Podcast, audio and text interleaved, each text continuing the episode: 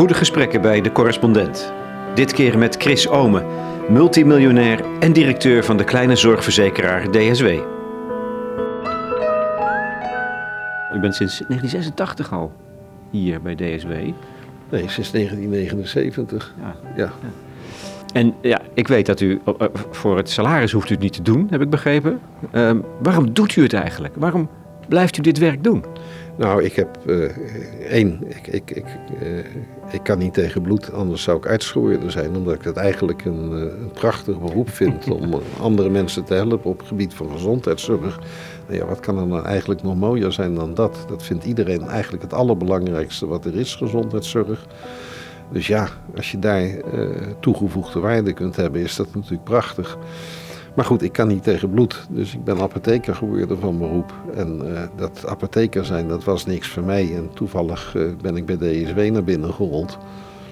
Omdat ik bij een apotheekstage liep waarvan de man in het bestuur van, eh, van DSW zat. En die zei, joh, je moet daar eens solliciteren. En dat kon hij nagaan of ik dat deed. Dus ik heb dat toen maar gedaan. En ik ben toen aangenomen. En ik heb daarna van DSW alle mogelijkheden gehad om ook een aantal andere dingen te doen. En eh, omdat ik die andere dingen altijd in de openheid eh, heb kunnen doen. eh, en daar ben ik heel goed van geworden. Zoals u zegt, ik hoef voor mijn geld niet meer te werken.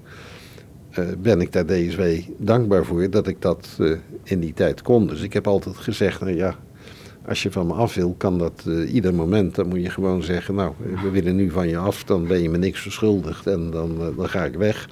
En eh, als je goed vindt wat ik doe, dan, eh, dan blijf ik gewoon zitten. En eh, ik doe dat met heel veel plezier. Maar wa- wa- waarom eigenlijk nog? Want wat drijft u dan echt? Dat is echt wel. Want het hoeft echt niet. Nee, nee het ho- hoeft echt niet. Maar, dus laat ik zeggen, ik vind ook dat ik naar mijn kinderen het voorbeeld moet zijn. Dat het niet altijd om het geld gaat, maar dat je toch eh, ergens meewerkt aan iets wat je zelf betekenisvol acht in het leven. Dus ik vind het betekenisvol dat we een, eh, een gezondheidszorgsysteem heb, hebben dat uitnodigt tot een betere kwaliteit en dat uitnodigt tot een betaalbaarheid. En eh, de facto hebben we dat in Nederland natuurlijk heel behoorlijk. We scoren het best in heel Europa. Dus dat, dat moeten we niet te snel onder het tapijt vegen. Eh, maar het kan altijd beter. En eh, om aan die verbetering, zeker aan de onderkant, het een en ander bij te dragen. Wij, eh, ik heb in mijn carrière hier orthopedische chirurgen gehad, hier in Vlaardingen, die, die iedereen de knieën opensneed en behandelden, ook al waren ze gezond. Nou, daar heb ik een hele strijd tegen gevoerd en die man is uiteindelijk uit zijn beroep gezet. Iedereen in het ziekenhuis wist dat dat zo gebeurde. Maar toch wordt daar geen stelling eh, tegen genomen, omdat ze denken, ja, vandaag is het hij en morgen ben ik het. Dus eh, ze houden eh, slecht functionerende collega's toch graag de hand boven het hoofd. Maar in iedere beroepsgroep zijn er altijd tussen de 0 en 5 procent mensen die, die hun vak niet verstaan. Dus ja, die mensen moeten uit, uit zo'n beroepsgroep gehaald worden. Nou, ik vind dus van belang dat dat gebeurt. Dat vind ik ook het werk van de zorgverzekeraar om daar naar te kijken. En tegen zo'n ziekenhuis te zeggen, joh, dat gaat niet met die man. Maar op die manier geeft u betekenis. Dat is, dat is, hè, dat is wat wat u drijft tot op de dag van vandaag. Ja, ja, ja. Dus eh, ik vooral mijn kinderen laten zien dat het, eh, eh, dat het niet om geld gaat, maar dat het om passie gaat. Dat je, dat je het leuk moet vinden wat je doet. En eh, ja, ik vind het leuk als het enige betekenis heeft. Gaat het niet om geld? Ja, voor mij totaal niet. Nou, u bent heel rijk. U bent schatrijk. Ja, ja dus voor mij eh, is geld, eh, ja, dat, dat, dat klinkt arrogant, maar eh, ik geef het op verschillende manieren ook weg. En ik heb dat nu in de publiciteit gebracht. Ik deed het al jaren, omdat in de Telegraaf door mijn collega's ingestoken een, een heel stuk verscheen wat van A tot Z niet klopte. En eh, waarin ik bij wijze van spreken nog een schraaien werd weggezet ook. Dus ik, eh, ik had toen toevallig al een afspraak met het eh, Algemeen Dagblad. En ik dacht, ja, ik had al lang afgesproken dat ik mijn salaris naar de voedselbanken zou overmaken. Ik had tegen de voedselbank al gezegd, ik wil geen publiciteit. Maar toen dat stukje er in de Telegraaf kwam, dat alleen door mijn collega's zo ingegeven kan zijn omdat er dingen in staan die maar een paar mensen kunnen weten. En dacht ik, nou is het klaar. Nou breng ik dat ook naar buiten. En overigens eh, kunnen ze me in de quote altijd naslaan. En ik zeg niet dat wat in de quote staat klopt. Uh, maar wat wel klopt, is dat ik erg rijk ben. Dus uh, voor het geld hoef ik het echt niet te doen en doe ik het ook absoluut niet. En, en wat, wat betekent rijkdom dan? Nou, rijkdom, dat betekent natuurlijk onafhankelijkheid. Uh, dat heb ik altijd zo wel gevoeld, want ik was in mijn jeugd hetzelfde als ik nu ben. dus ik had ook gepensioneerd kunnen zijn inmiddels. Maar ik heb me altijd onafhankelijk opgesteld, ook toen ik het geld niet had. Maar ik moet zeggen dat het wel gemakkelijk is als je het wel hebt. En je kunt je altijd ieder standpunt overal veroorloven. Want dat is wat er bijvoorbeeld in ziekenhuizen vandaag de dag gebeurt. Ja, zo'n ziekenhuisdirecteur, die moet ook zijn uh, hypotheek afbetalen. Dus die kan wel ruzie gaan maken met een medisch specialist die niet functioneert. Maar als die weer gaat klagen bij zijn raad van toezicht.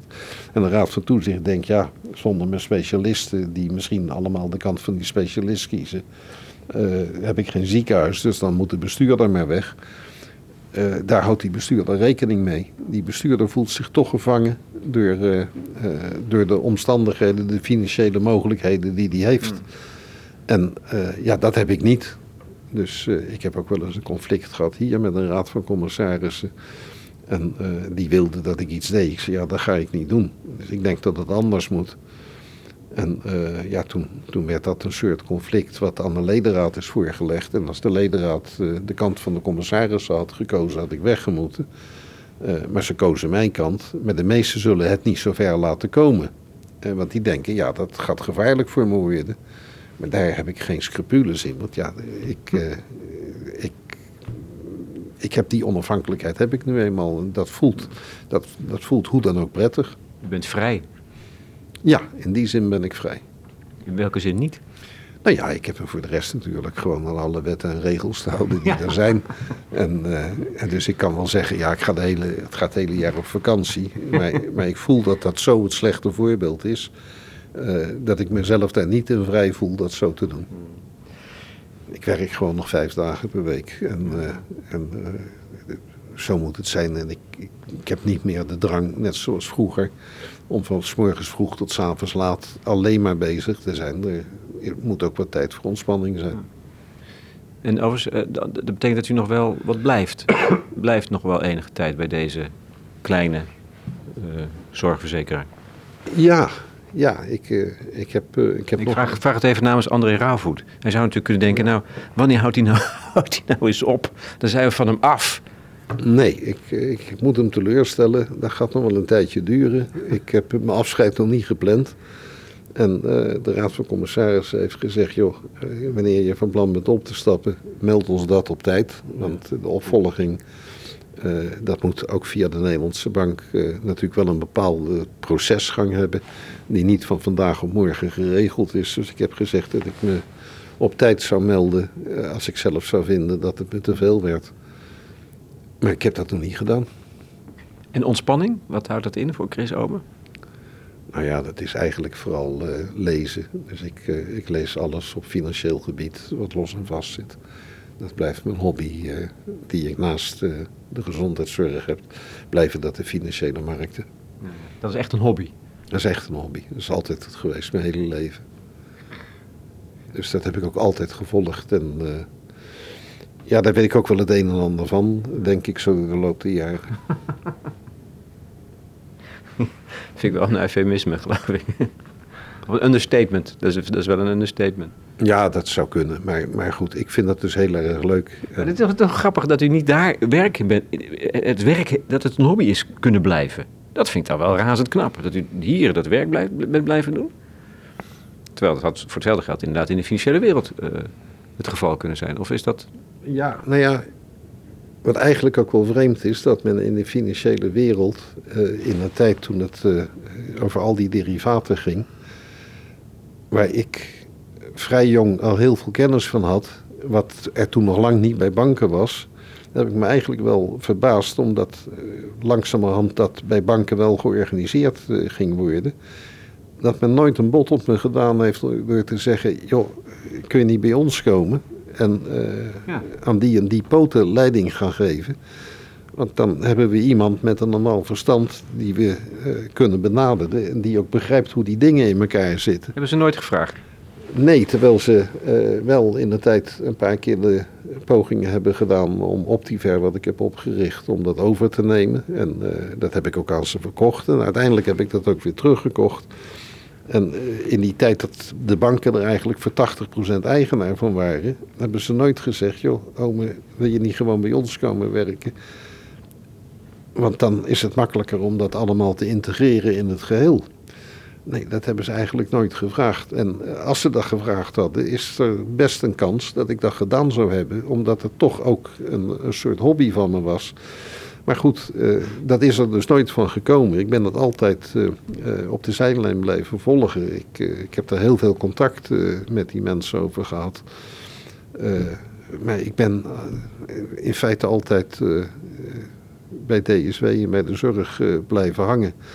En nogmaals, ja, ook dat vind ik heel erg boeiend. En dat komt vooral omdat onze organisatie natuurlijk niet al te gek groot is. Dus ik werk hier met een, uh, met een heleboel mensen waarmee ik al heel lang samenwerk. Want iedereen uh, zegt wel tegen mij of over mij dat ik vrij dwingend ben. En dat ik vooral mijn eigen mening vorm. Maar als je net als ik een heel aantal bedrijven hebt opgezet, die allemaal op zichzelf gesproken succesvol zijn geworden. En waar ik allemaal op verschillende manieren uh, meer dan miljonair mee geworden ben. Dan kan dat haast alleen als ik iedere keer de goede mensen heb uitgezocht. En dat kan ook alleen als die mensen ook graag voor me willen blijven werken.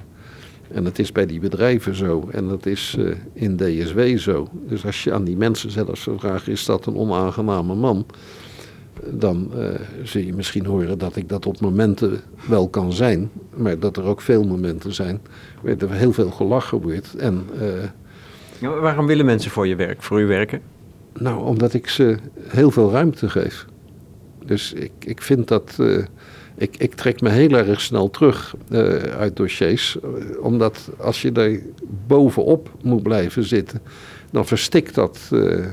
dat krijg je uiteindelijk toch niet voor elkaar. Je moet het uiteindelijk van de kwaliteit van mensen hebben. En die kunnen die kwaliteit pas ontplooien als als ze bewegingsruimte hebben. En er zijn natuurlijk een aantal dingen waar ik totaal geen verstand van heb. Eh, de ICT is daar een voorbeeld van. Ik heb gek genoeg drie ICT-bedrijven opgericht. En uh, ik heb er uh, nog eentje. En dat doet heel veel werk, ook in de financiële wereld.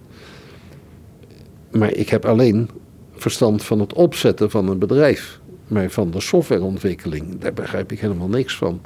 En bij DSW ook niet. En uh, dat is dus mijn collega die dat hier doet. En uh, die heeft er heel veel verstand van. En ik ben dus ook erg blij dat hij aan dat hele stuk leiding en vorm heeft gegeven. En ja, anders zou het onmogelijk zijn. Want uiteindelijk is een verzekeringsmaatschappij vandaag de dag steeds meer een technologisch bedrijf. Steeds meer rekeningen gaan zonder tussenhanden van mensen worden betaald. Dat is nu zo'n zo'n kleine 80% van iedere rekening die binnenkomt. Die wordt zonder dat er een menshand aan te pas komt. Uh, binnen drie dagen uh, op de rekening van de verzekerde overgeschreven. Dat is een kwestie van die processen heel goed gemonitord en op elkaar ingesteld hebben. En dat vergt iedere keer een verdere aanpassing en een verdere verbetering. Maar dan moet je dus wel mensen hebben die die architectuur begrijpen en die, die de mogelijkheden begrijpen daarvan. En uh, daar hou ik me dus verre van. Daar kijk ik uh, van een afstand naar hoe anderen dat doen.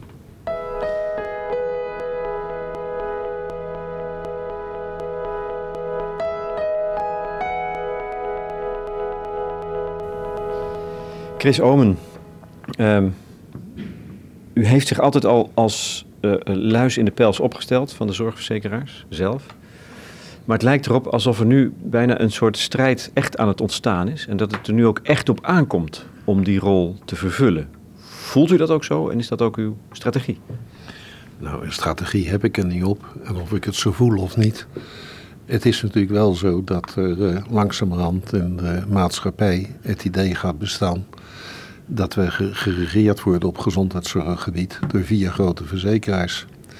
En uh, als die vier grote verzekeraars samen met de kleine uh, in één kamertje gaan zitten en met elkaar daar bekokst over wat er moet gebeuren, dan leidt dat ertoe dat de buitenwacht dat arrogant vindt en dat leidt tot verzet.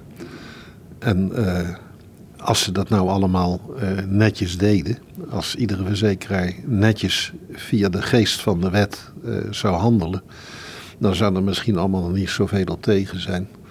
Maar wat er de facto gebeurt, is uh, dat er de ene verzekeraar de andere er ook van beschuldigt. Dat heeft Van Boksel gedaan in zijn afscheidsinterview. Heeft hij gezegd dat alle verzekeraars risicoselectie doen. Wij zijn overigens de enige die dat niet doen. En Van Bokstel is er zelf met zijn club als een van de eerste aan begonnen. Maar dat terzijde. Punt is dat ze allemaal aan risicoselectie doen en dat ze dat zelf ook zo herkennen. Risicoselectie, voor als je niet bent ingewijd in het jargon? Nou, risicoselectie, dan probeer je de betere groepen verzekerden aan je te binden. Ja, dus uh, wij zijn verplicht iedereen te accepteren. We hebben ook een vereveningssysteem waarin we gecompenseerd worden als we slechte risico's, zoals dat uh, bij ons genoemd worden, zich bij ons verzekeren.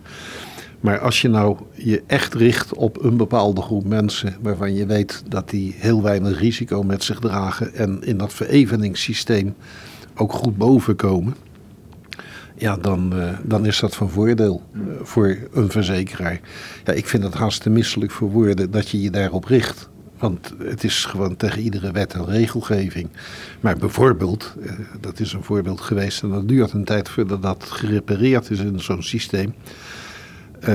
Als je een allochtoon was, als je in een achterstandwijk woonde en als je een laag inkomen had, dan ben je als, voor de gezondheidszorg als een hoog risico aangemerkt. Maar studenten van buiten, dat zijn allochtonen, die hebben nog een inkomen en die wonen dikwijls in achterstandswijken. En het zijn juist gezondheidstechnisch gezien de allerbeste risico's, want die maken bijna geen kosten. Nou, als je daar in zo'n vereveningssysteem dan nog eens extra voor betaald krijgt, ja, dan is het duidelijk dat als je je gaat richten op precies die groep mensen, om die aan je te binden, dat je probeert eigenlijk te arbitreren, zeg ik dat dan maar, op dat vereveningssysteem. En als iedereen dat nou gaat doen, en iedereen gaat dat doen om te zeggen, wij doen het omdat anderen het ook doen, dan zijn we met z'n allen op de verkeerde weg bezig. DSW doet daar dus niet aan mee. Je zult dus nooit ergens een uiting kunnen vinden waarop wij zoiets doen. Waarom doen ze het? Het zijn, het zijn vier maatschappijen die 90% van uh, de, de, patiënten eigenlijk uh, verzekeren. Dus ze hebben de totale macht. Waarom doen ze het eigenlijk? Ja, dat is. Kijk, in grote ondernemingen heb je altijd ankerstelten. Dat zijn mensen die daar in dienst zijn. En ja, die proberen voor de korte termijn iets te bewerkstelligen. Dat ze kunnen zeggen: kijk mij eens. terwijl ze eigenlijk het systeem in gevaar brengen. Want laat ik zeggen, als ze het alle vier doen, zullen ze alle vier wel even succesvol of even weinig succesvol zijn. En het zal voor ons daardoor wel wat slechter worden. Maar wat daarvan nou de winst is, dat is, dat is haast uh, oninvoelbaar. Maar dat is net zo, wat kan er de winst zijn van die vier grote verzekeraars om ons helemaal met reclame suf te maken aan het eind van het jaar. Terwijl per saldo uh, er misschien wel een miljoen mensen overstappen, maar per saldo de verhoudingen tussen die grote vier ongeveer gelijk blijven.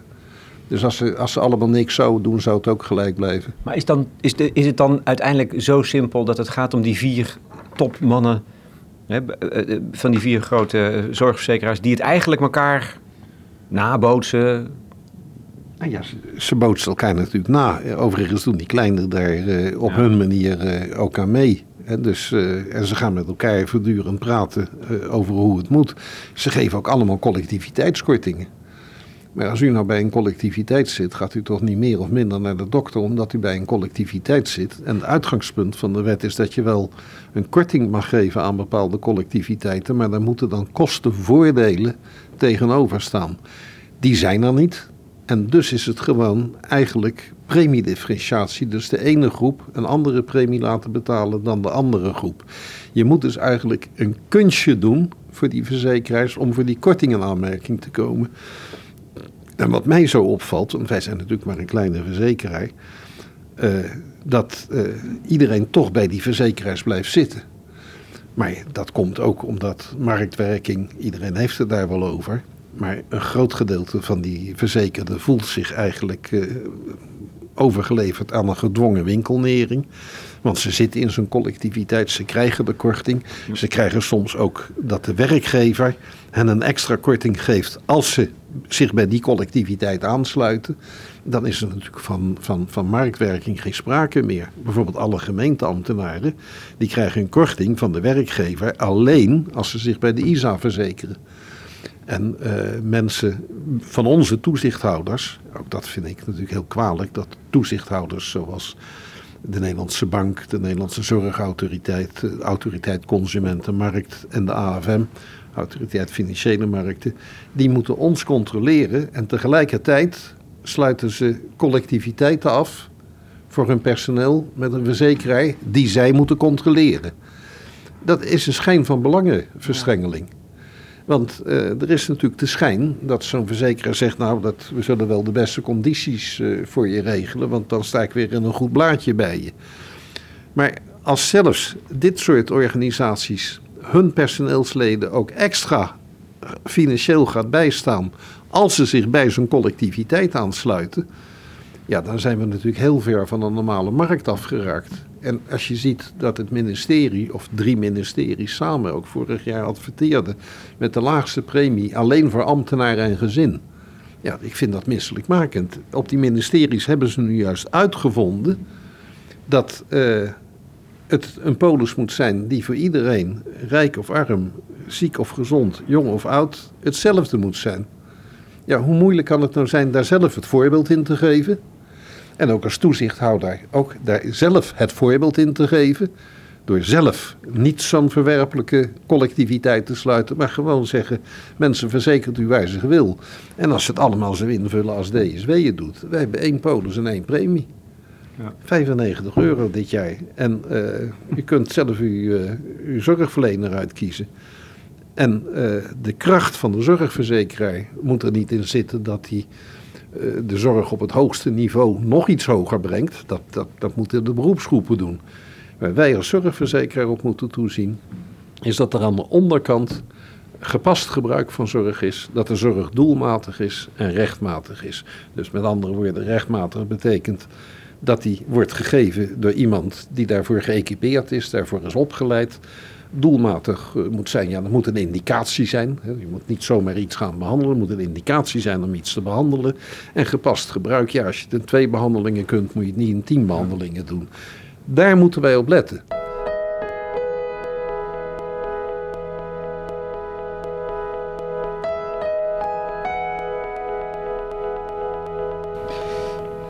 Um, dus er zit iets het hele idee was marktwerking. Nou, dat blijkt dus niet uh, zo in de praktijk zo uit te werken. En er zit iets, iets rots in, zoals u het nu schetst.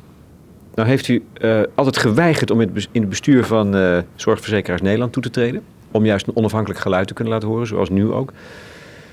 Nu lijkt er een soort strijd te ontstaan. Um, en heeft u gedreigd zelfs de, de, de, die brancheorganisatie aan te moeten klagen. Um, komt die aanklacht er? Nou, of die aanklacht er komt. Uh, wat voor mij van belang is om uh, uh, even in de tijd te zien. En voor zover ik begrepen heb, is het nu unaniem dat ze mij eigenlijk de toegang tot stukken willen ontzeggen. Omdat ik gelekt zou hebben uit vertrouwelijke stukken. Nou, de stukken waaruit, die ik gegeven heb aan een paar Kamerleden. En waar ik een aantal dingen uit naar voren heb gebracht. Het ging over de vrije artsenkeuze. En waaruit blijkt dat zorgverzekeraars het eigenlijk helemaal niet veel kan schelen of die vrije artsenkeuze er nu wel of niet is. Want ze hebben gezegd, nou, we gaan geen bezwaar maken tegen die aanpassing. Nou, daar kunnen ze vervolgens allerlei andere dingen van zeggen.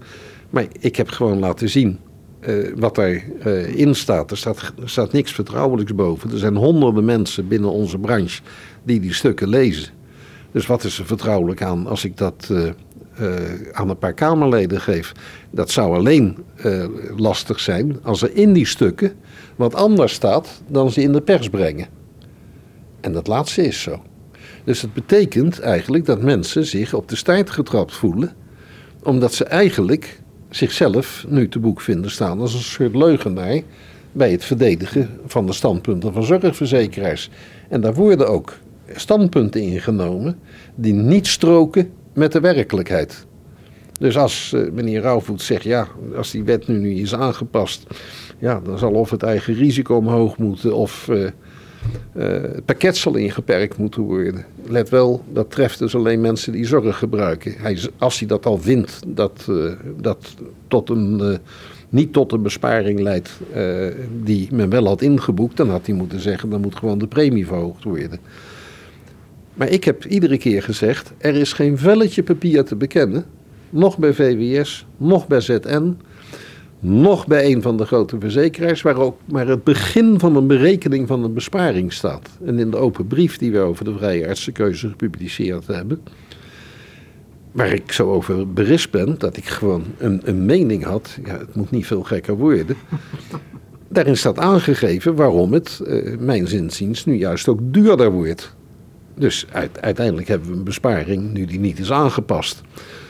Uh, maar als die berekening er, er, nergens is, ja, dan moet je hem ook niet gebruiken alsof die er wel is. Het staat op tape zelfs van, uh, van Tom van Ham van Zembla dat de minister daar anders over denkt. En dat uh, de voorman van CZ ook zegt: nee, die, die, die, die, die relatie met die besparing die is er helemaal niet. Dus er wordt iets bijgehaald wat er niet is. En als ik dus gewoon de stukken laat zien op basis waarvan men een besluit heeft genomen ja, dan moeten ze dat niet ineens uh, omdraaien en vervolgens zeggen, maar je lekt iets wat vertrouwelijk is. Nee, ik, uh, wat aan de orde is, dat men dat alleen lekker kan vinden als datgene wat daar staat niet strookt met wat men zegt. Even terug naar af misschien. Die hele verandering van het zorgstelsel per 2006 had de bedoeling om uh, de kosten nou ja, een beetje te, te kunnen in toom houden. De macht werd gegeven aan de zorgverzekeraars binnen dat stelsel, zo heet dat in ieder geval. Het lijkt er nu op alsof er een verscherping komt van hun uitoefening van hun macht. Zo, als ik praat met artsen, dan geven zij mij dat beeld. Er komt een hete herfst aan, want contractonderhandelingen lopen moeilijker. Bijvoorbeeld. Er zijn artsen die weigeren de contracten te tekenen met het mes op de keel. Um, is dat zo? Eh, eh, gaan zorg, zorgverzekeraars nu zich anders opstellen? En hoe komt dat? Komt dat omdat ze gefaald hebben in uh, de opdracht die ze hadden, namelijk om de kosten te beperken? Hebben de zorgverzekeraars eigenlijk gefaald? Nou, dus laat ik zeggen, bij dat nieuwe zorgverzekeringsstelsel is, uh, is het zwaartepunt van de macht eigenlijk bij de patiënt komen te liggen. Hmm. Want de patiënt komt met de voeten stemmen. En uh, de zorgverzekeraar betaalde alleen die zorgverleners waarin de patiënt heen ging. Maar in het begin van die zorgverzekeringswet uh, waren de risico's die de zorgverzekeraar liep nog heel erg klein. En die, die zijn geleidelijk verhoogd. Dus geleidelijk is er pas meer aandacht gekomen van de zorgverzekeraar voor de kosten. Laat ik zeggen, bij de, bij de zorgverleners is er door die aanpassing van die wetgeving zekere mentaliteitsverandering opgetreden. Vroeger, als je naar een ziekenhuis ging, dan eh, ging je gewoon naar één grote wachtzaal. Dus tegenwoordig is bij veel meer artsen, bij veel meer specialisten al lang het besef doorgedrongen dat het hun klanten zijn. En dat als ze daar niet netjes mee omgaan, dat ze naar een ander ziekenhuis kunnen. En dus laat ik zeggen, er is wel een verandering uh, tot stand gebracht. Maar op een gegeven moment, uh, ja, zorgverzekeraars die, die, die zijn gaan fuseren. Dus het zijn er nog maar vier groter geworden. En langzamerhand smaakt de macht kennelijk altijd naar meer. En tegelijkertijd zijn die zorgverleners ook enorm gaan fuseren. En die zijn een enorm machtsbloks gaan vormen uit angst voor de verzekeraars. En dus in plaats van de balans die er was tussen de zorgverlener, de zorgverzekeraar, vormgegeven door de patiënt, is de patiënt eigenlijk doorgekrast. En hebben we de zorgverlener aan de ene kant, die als hij groot genoeg is veel macht heeft, want de verzekeraar heeft zorgplicht. En uh, aan de andere kant de grote zorgverzekeraar. En dan zijn het eigenlijk nog twee partijen die met elkaar praten. En uh, waarvan, waarvan, straks uh, misschien de zorgverlener wel kan zeggen tegen de zorgverzekeraar: Nou, tekent u daar maar bij het kruisje, want wij zijn hier het enige ziekenhuis in de hele buurt. Veel succes met het opzoeken van een ander ziekenhuis. Dus er komt een totaal We komen eigenlijk weer in een oude situatie terecht, waarin de patiënt niks meer te vertellen heeft en waarin de zorgverlener zijn best niet meer hoeft te doen. En dat, dat komt omdat als reactie op die machtsvorming van de zorgverzekeraars ook de zorgverleners zich tot, tot machtsblokken gaan omvormen. Ja. Daardoor komt dat. Ja, want die zijn angstig geworden eh, voor, de, voor de zorgverzekeraar. Zeker als hij hen niet meer hoeft te contracteren en dus niet meer hoeft te betalen. Maar een zorgverzekeraar moet dat wel, omdat het zorgplicht heeft. Dus ja, als, eh, als je nergens heen kunt, dan moeten ze betalen ongeacht wat er gevraagd wordt. Nou, als je je nou maar voldoende concentreert, ja, dan heb je geen andere keus. Dus als je naar Den Haag kijkt hier, dan heb je Den Haag, Delft, Westland, Soetermeer. Nou, dat is toch een heel groot gebied. Er zijn nog twee ziekenhuizen. Nou, contracteer ze maar eens niet. Dan, eh, ik je kunt geen kant op. Ja. En die ziekenhuizen zijn gefuseerd. Niet uit kwalitatieve eh, overwegingen, maar gewoon uit machtsvorming. Het zou ook kunnen samenwerken op allerlei terreinen waarin je vanzelf de goede dingen doet. En waarin je vanzelf uh, de organisatie zodanig houdt dat je ze op allerlei punten scherp houdt. En dat je ze het idee geeft dat je voor een bepaalde organisatie met een bepaalde passie werkt.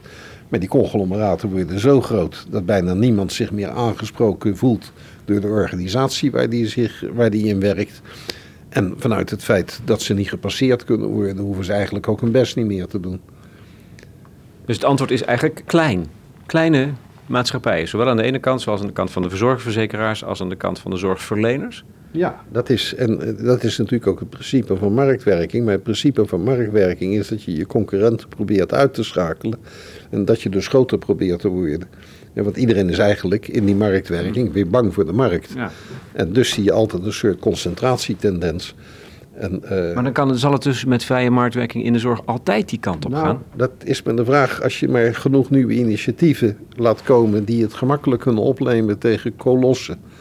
Hè, dus uh, laat ik zeggen, DSW is in de uitvoering, uh, in, in, in, in de administratieve uitvoering, goedkoper dan, uh, dan Armea, om maar eens wat te zeggen. En Armea is de grootste en wij zijn de grootste van de kleine.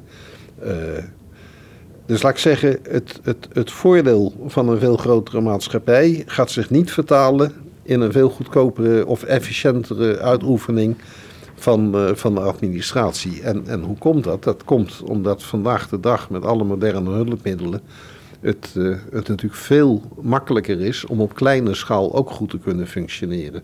Vroeger lag dat uh, toch nog wat anders, was zo'n schaal echt een voordeel. Maar met de hulpmiddelen die we vandaag de dag hebben, is de kennisontsluiting zoveel gemakkelijker is het, het werken bij een kleine organisatie dikwijls veel leuker, omdat je er meer toe doet. Omdat je meer aan de eindknoppen zit. Uh, ik zeg niet dat er alleen voordelen zijn bij kleine organisaties. Maar er zijn een heleboel voordelen in kleine organisaties boven grote organisaties. En die voordelen zijn er zoveel dat ik vind dat je als kleine organisatie beter klein kunt blijven en op een aantal punten een samenwerking zoeken waar dat nuttig nodig is en goed kan. Uh, dat is een veel betere combinatie dan allemaal maar gelijk fuseren bij elkaar gaan zitten. En dat geldt in de zorg zeker ook.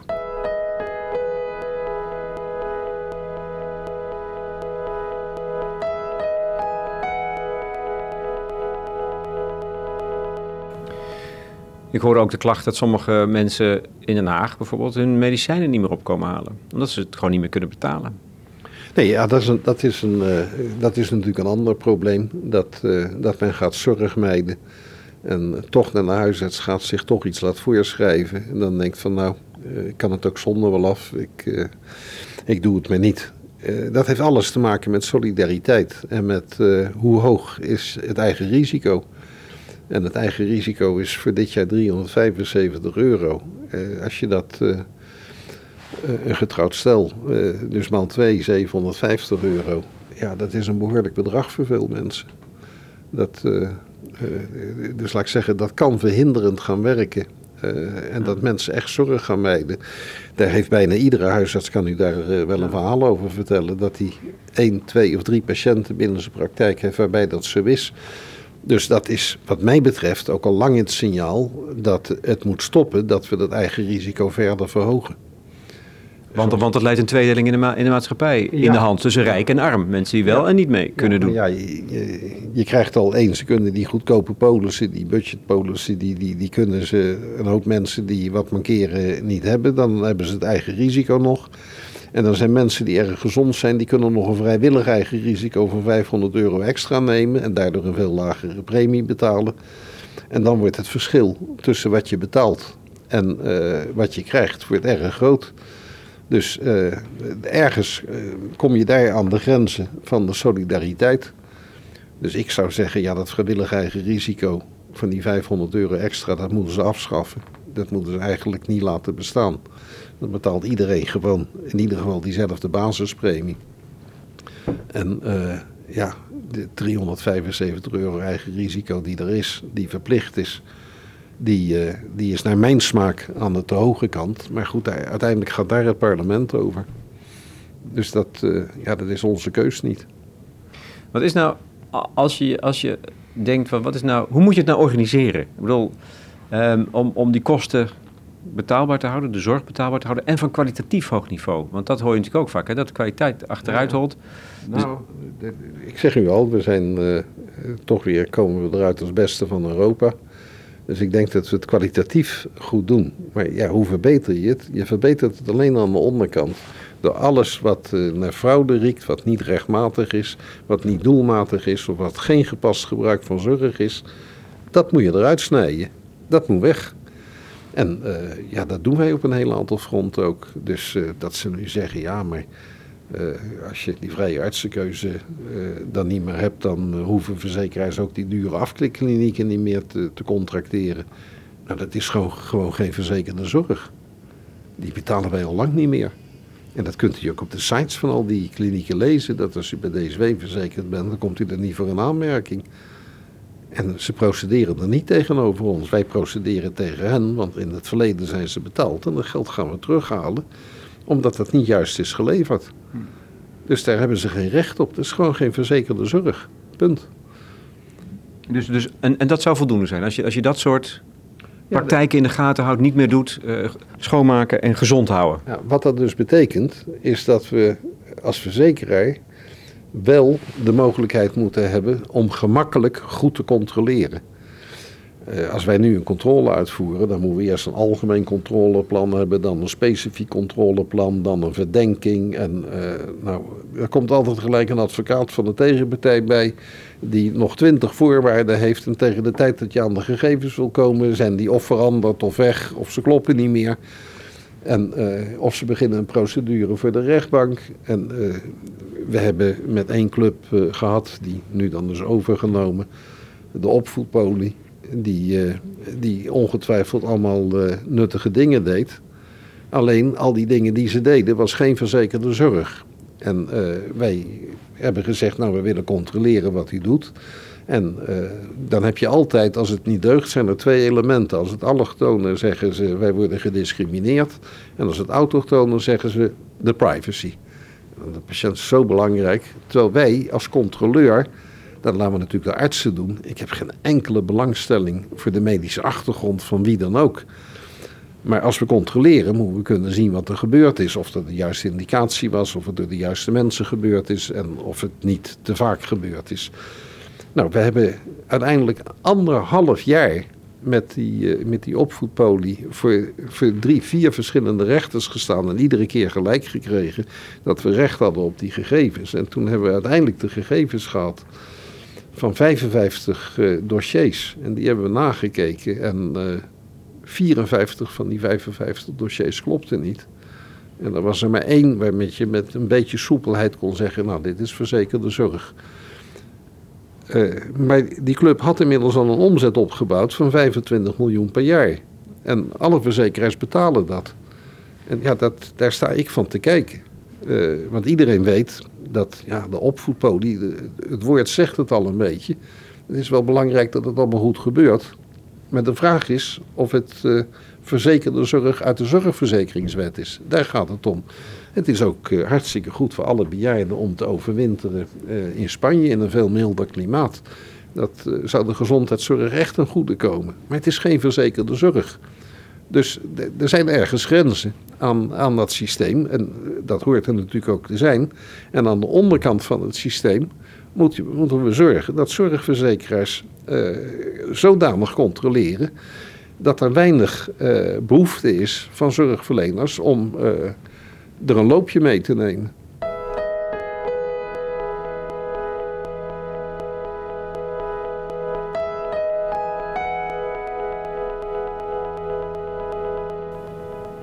Ik zie daar een hele grote beker staan de hele tijd. Met een voetballer bovenop, een soort Europa Cup. Ja, dat is, uh, daar heb je het alweer. Je kunt wel klein zijn als zorgverzekeraar, maar uh, dat is toch de beker van uh, Zorgverzekeraars Nederland. Die tegen elkaar voetbalden ieder jaar. en die hebben we in de finale gewonnen tegen Armea. Met 1-0. En ja, daar kan je als kleine club kan je er toch groot zijn. Dan kun je toch de beste zijn.